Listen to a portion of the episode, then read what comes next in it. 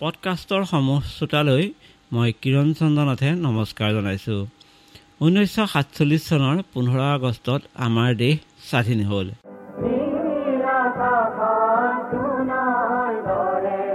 British মুক্ত ভাৰত স্বাধীন ভাৰত সকলোতে আনন্দ উল্লাস। সেই সময়ত অৰ্থাৎ ঊনৈছশ সাতচল্লিছ চনৰ প্ৰথম পোন্ধৰ আগষ্ট কেনেকৈ উদযাপন কৰিছিল? এই বিষয়ে জানিবলৈ ঊনৈছশ চৌৰান্নব্বৈ চনতে আমি কথা পাতিছিলোঁ নগাঁৱৰ কেইজনমান স্বাধীনতা সংগ্ৰামীৰ সৈতে। তেখেতসকল আছিল পদ্মাৱতী দেৱী উমা ফুকন ভদ্ৰকান্ত বৰা আৰু আবু চামা। আহক তেখেতসকলে সেই দিনটোৰ বিষয়ে কি কয় আমি জানি লওঁ। এয়া পদ্মাৱতী দেৱী।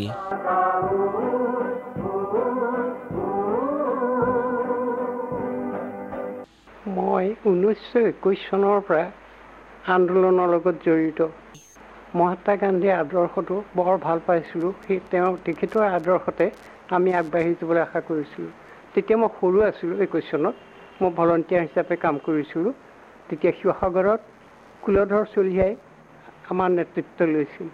তেতিয়াৰ পৰা ঊনৈছশ সাতচল্লিছ চনলৈকে যিখিনি আন্দোলন বা আমাৰ যিখিনি কাম আছিল গোটেইখিনি কৰিবলৈ আগবাঢ়ি গৈছিলোঁ। যিখিনি পাৰিছিলোঁ ঘৰত থাকিয়ে মহিলা হিচাপে আমি কাম কৰিছিলোঁ। মহিলা সমিতিৰ জৰিয়তে মহিলা কংগ্ৰেছৰ জৰিয়তে আমি সেইবিলাকলৈ আগবাঢ়ি গৈ আছিলোঁ। ঠিক সাতচল্লিছ চনৰ আগদিনা আমি জানিবলৈ পালোঁ যে কাইলৈ আমি স্বাধীনতা লাভ কৰিম। কি আনন্দৰ কথা! গোটেই আগদিনাখন চৈধ্য তাৰিখে আমি গোটেই ৰাতি শোৱা নাই। গোটেই জিলাখন যেন দিনৰ নিচিনা হৈ আছে। দিনৰ নিচিনাকৈ সকলোৱে আনন্দ উপভোগ কৰিছিলে। গোটেই ৰাতি আনন্দৰে থাকি পিছদিনাখন যেতিয়া গ্ৰাউণ্ডলৈ যাওঁ তাত পতাকা উত্তোলন কৰিছিলে ৰবীন্দ্ৰৰাম খাউণ্ডে তেখেত তেতিয়া ইয়াত ডি চি হৈ আছিলে। তাৰপিছত আমাৰ মহিলাৰ জাকটো।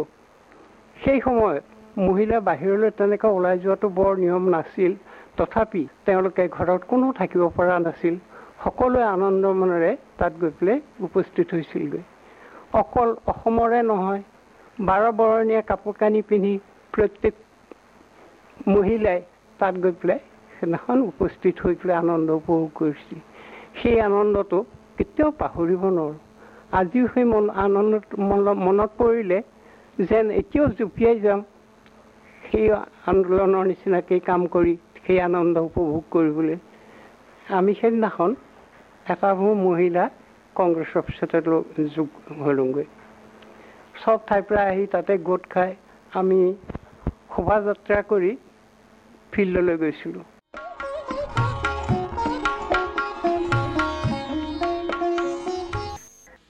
এয়া স্বাধীনতা সংগ্ৰামী উমা ফুকন।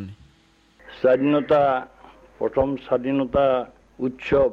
নগাঁও জিলাত চৰকাৰীভাৱে এই স্বাধীনতা উৎসৱটো উদযাপন কৰিবৰ কাৰণে বিৰাটভাৱে প্ৰস্তুতি আৰম্ভ কৰে।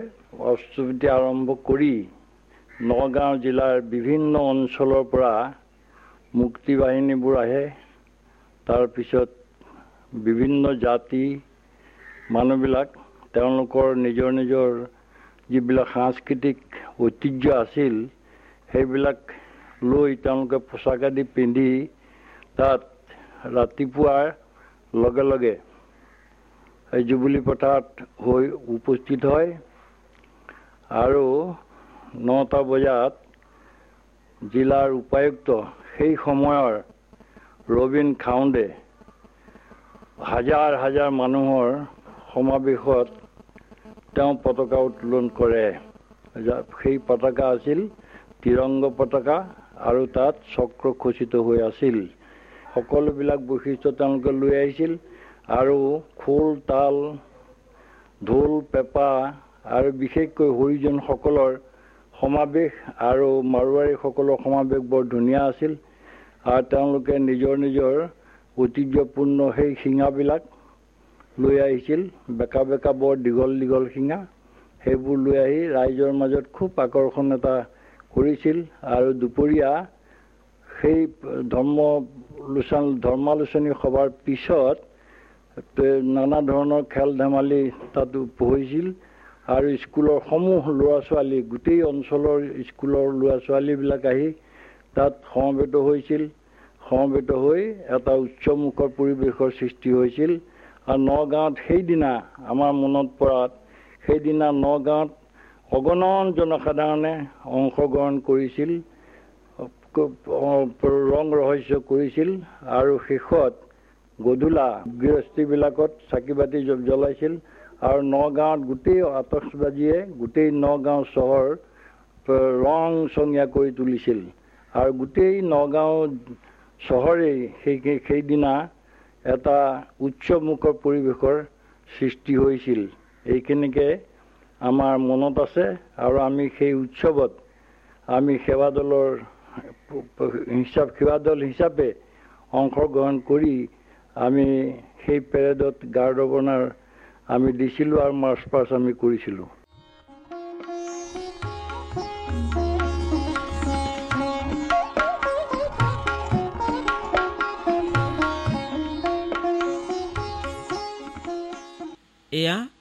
ভদ্ৰকান্ত বৰা। স্বাধীনতা আন্দোলনত মই সক্ৰিয়ভাৱে জড়িত আছিলোঁ। স্বাধীনতাৰ আগত ঊনৈছশ বিয়াল্লিছ চনৰ পৰা ঊনৈছশ সাতচল্লিছ চনলৈকে এই সময়ছোৱাত চব সময়তে জড়িত থাকিবলগীয়া হোৱা নাই। আগৰ চোৱাত যেতিয়া জড়িত আছিলোঁ তেতিয়া জেললৈ গ'লোঁ। জেললৈ যোৱাৰ পাছত পঢ়া শুনা কৰি আকৌ মই কচাইলৈ আহিলোঁ। ঊনৈছশ চনৰ পৰা। ঊনৈছশ ছিচল্লিছ চনত মাজনিশা ভাৰতবৰ্ষৰ স্বাধীনতা হ'ল। পালে। ঊনৈছশ সাতচল্লিছ চনত সেইটো পালন কৰা হ'ল। যিহেতুকে ঊনৈছশ সাতচল্লিছ চনৰ চৈধ্য আগষ্ট মাজনিশাহে আমাৰ স্বাধীনতা প্ৰাপ্ত হৈছিলে। স্বাধীনতা প্ৰাপ্ত হৈছিলে। সেই দিৱসটো যিহেতুকে সমূহীয়াকৈ পতাৰ অসুবিধা বোধহয় সেইকাৰণে পোন্ধৰ আগষ্ট দিনটো নিৰ্বাচন কৰিলে ৰাজহুৱাভাৱে এই দিনটো পালন কৰিবলৈ। এতিয়া চৈধ্য আগষ্টৰ মাজনিশা যেতিয়া আমাৰ স্বাধীনতা পালে ৰাইজে পাব এই কথাটো যেতিয়া নিষ্পত্তি হ'ল খাটাং হ'ল তেতিয়া সমগ্ৰ অঞ্চলৰ ৰাইজক। কংগ্ৰেছৰ তৰফৰ পৰা আহ্বান জনোৱা হ'ল এই সময়টো পালন কৰিবৰ কাৰণে। চৈধ্য তাৰিখে মাজনিশা পালন কৰিবৰ কাৰণে পতাকা উত্তোলন কৰিব পালন কৰিব।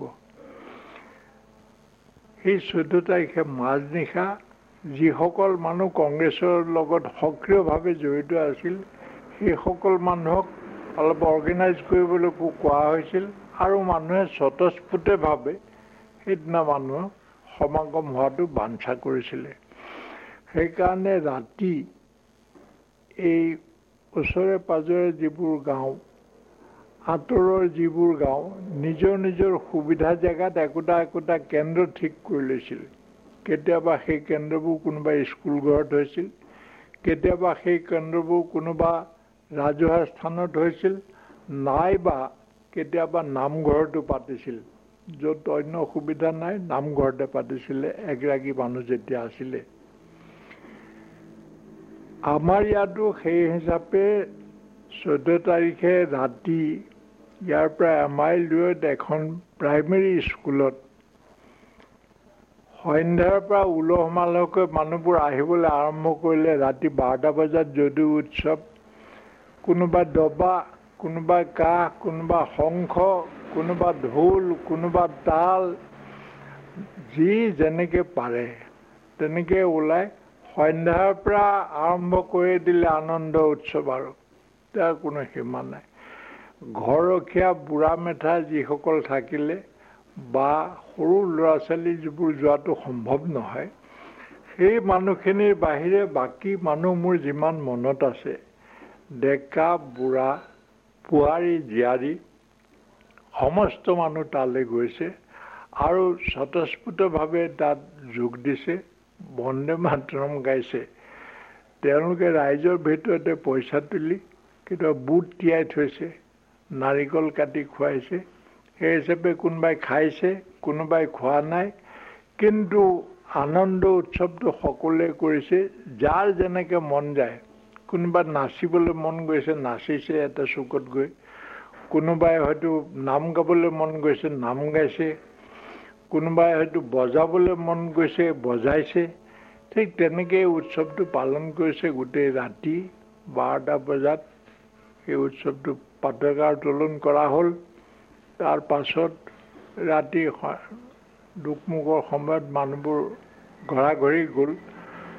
ঘৰা ঘৰি গৈ গা পা ধুই আকৌ জুবলি ফিল্ডলৈ পাছদিনা ৰাতিপুৱা গৈছে।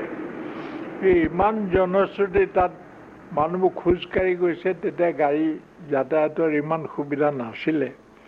খোজকাঢ়ি গৈছে কোনো ভাগৰ লগা নাই কোনো আপত্তি কৰা নাই। তো গৈ গোটেই ফিল্ড ভৰি পৰিছে। তাত চৰকাৰৰ পৰা পুলিচ চিপাহী এইবোৰতো আছে তেওঁলোকৰ পেৰেড হৈছে স্কাউটৰ হৈছে স্কুলীয়া ছাত্ৰ ছাত্ৰীবোৰ তেনেকৈ গৈছে ওলাই কৰি স্কাউটৰ ফালৰ পৰাও গৈছে। ৰাইজৰো যিসকল মুখীয়াল তেওঁলোকতো গৈছেই অন্যান্য গাঁৱৰ চহৰৰ যিখিনি জনসাধাৰণ আছে সকলো মানুহে উলাহ মালহে তাত গৈছে। এইটো এটা এনেকুৱা উৎসৱ আৰু এনেকুৱা ধৰণে মানুহৰ সহযোগ হৈছিলে। কি অভূতপূৰ্ব কথা এটাই এই বস্তুটো নেদেখিলে মানুহে বুজোৱা টান অনুমান কৰা টান মানুহৰ ইমান উৎসাহ ইমান উদ্দীপনা। মানুহবোৰে তেতিয়া ভাবিছিল যে দেশত সেই তাৰিখৰ পৰা সেই তাৰিখলৈকে ৰাইজে যিবোৰ কথাত অসুবিধা পাই আছিল সেইবোৰ দূৰ হ'ব। এইটো আশা বুকত বান্ধিছিল। আৰু এটা ডাঙৰ কথা হৈছিল যে সেইদিনৰ পৰা তেওঁলোকৰ দেশৰ শাসনভাৰ তেওঁলোকৰ নিজৰ মানুহৰ হাতত পৰিলে। আৰু তেওঁলোক এতিয়া নিজেই স্বৰাজৰ মালিক। তেওঁলোকে নিজেই এতিয়া দেশৰ মালিক। তেওঁলোকে দেশ পৰিচালনা কৰিব। তেওঁলোকৰ সুখ দুখৰ বিচাৰক তেওঁলোকে হ'ব।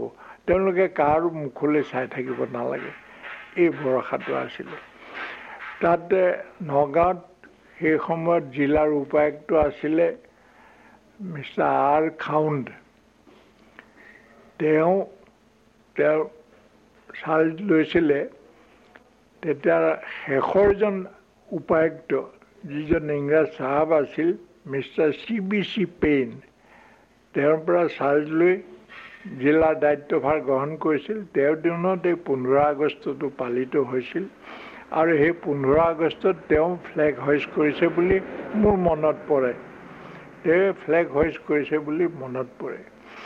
তাত এই ফ্লেগ হইষ্টিং চিৰিমনীলৈ মণি তিৰোতা ল'ৰা ছোৱালী স্কুলৰ ছাত্ৰ ছাত্ৰী কৰ্মচাৰী কোনো বাদ পৰা নাই। সমস্তখিনি গৈছে আৰু সকলোৱে তাত উলহ মালহে সহযোগ কৰিছে। তাতে কোনো কাকো গাৰ্ড দিবলগীয়া হোৱা নাই। মানুহবোৰ এনেকুৱা ডিচিপ্লিন আছিল অৱশ্যে তাত চিজিল কৰা মানুহ নাছিল যে এনে নহয় কংগ্ৰেছৰ ফালৰ পৰা কিছু ভলণ্টিয়াৰ তাত দেখিছিলোঁ আছিলে। কিন্তু তেওঁলোকে কিবা কৰিবলগীয়া কাম আছিল বুলি মোৰ মনতে দিব মানুহবোৰ নিজেই চিজিল হৈ আছিলে আৰু কোনো বিশৃংখল তাত তেতিয়া কৰা নাই।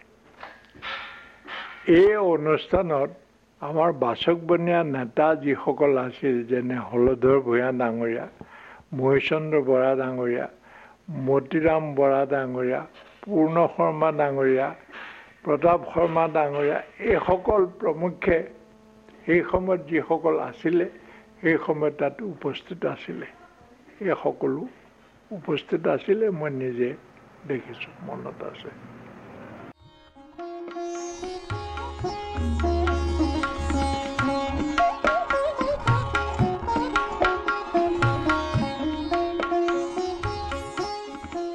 এয়া আন এজন স্বাধীনতা সংগ্ৰামী আবু চামা। সাতচল্লিছ চনত যেতিয়া ভাৰতৰ স্বাধীনতা উৎসৱ পোন্ধৰ আগষ্টত পালন কৰা হয় নগাঁৱৰ সেই সময়ৰ জুবিলি পথাৰত তাত বৰ্তমান জুবিলি পথাৰৰ নাম নুৰুল আমিন ষ্টেডিয়াম। তাত আমি এটা ভলণ্টিয়াৰ ফ'ৰ্চ এটা কৰিছিলোঁ জমিয়তুল আমাৰ তৰফৰ পৰা। তাৰ কমাণ্ডেণ্ট আছিলে উমেদ ৰেজা। নগাঁও টাউনবাসী কি আৰু সেই ভলণ্টিয়াৰ ফ'ৰ্চটোত পঞ্চাছ ষাঠিজনমান আমাৰ ডেকা ল'ৰা গৈছিল। তাত গাঁৱৰো কিছু আছিল আৰু টাউনৰো কিছু আছিলে। এই সেইদিনা জাতীয় পতাকা উত্তোলন কৰালৈ এটা সমস্যাৰ সৃষ্টি হৈছিল। প্ৰথম কথা হ'ল কংগ্ৰেছৰ লিডাৰসকলৰ মাজত জিলা কংগ্ৰেছৰ সভাপতি হলধৰ ভূঞা পতাকা উত্তোলন কৰিবলৈ কেনে দাবী উঠিছিল আৰু সেই সময়ত নগাঁৱৰ উপায়ুক্ত আৰ আৰ খাউন তেওঁ পতাকা উত্তোলন কৰাৰ এটা নিৰ্দেশ পাইছিল। গতিকে অৱশেষত আৰ আৰ খাউণ্ডেই পতাকা উত্তোলন হৈছিল। খুব আনন্দ উৎসৱ হৈছিল সেইদিনা। ঘৰে ঘৰে পতাকা উত্তোলন কৰিছিল আৰু সেই স্বাধীনতাৰ দিনটোত ইয়াত নগাঁৱৰ চৈধ্য আগষ্টৰ গোটেই ৰাতি মানুহবিলাকে আনন্দ উৎসৱ কৰিছে। মানে কোনো মানুহ হোৱা নাই। বন্দে মাতৰম ধ্বনি আদি ইয়ে কৰি এইবিলাক হৈ আছে। কংগ্ৰেছ বা অন্যান্য সকলো অনুষ্ঠানে চৰকাৰীভাৱেতো হৈছিলেই উপায়ুক্তসকলে দিছেই শ্বহীদ তৰ্পণো হৈছিলে। সেই বৰ্তমান য'ত শ্বহীদ ভৱন হৈছে ইয়াতে হেলিডে হল বুলি এটা হল আছিলে লাইব্ৰেৰী আৰু সভাস্থল। এই তাৰ ওচৰতে শ্বহীদ তৰ্পণৰ ব্যৱস্থা কৰা হৈছিলে। সেই সময়ত গান্ধীৰ মূৰ্তি হোৱা নাছিলে ষ্টেচু গতিকে সেই প্ৰশ্নটো সেই সময়ত উত্থাপিত হোৱা নাছিল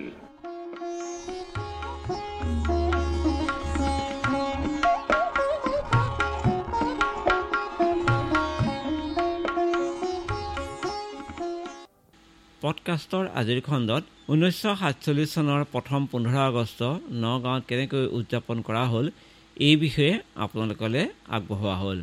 আহক এইখিনিতে আমি নবীন চন্দ্ৰ বৰদলৈ ৰচিত এটি সমবেত কণ্ঠৰ গীত শুনি লওঁ।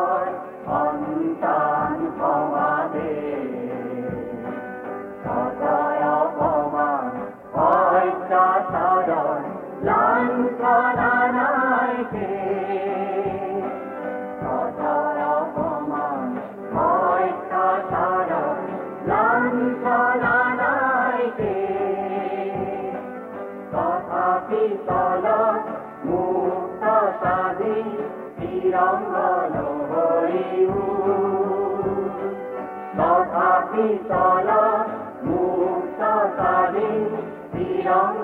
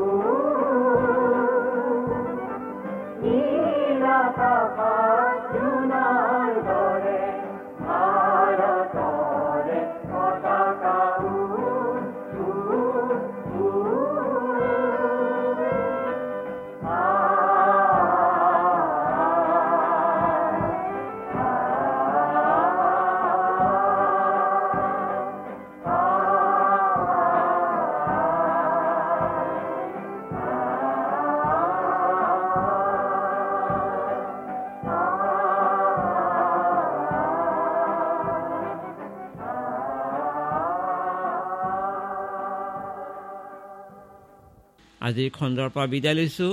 নমস্কাৰ।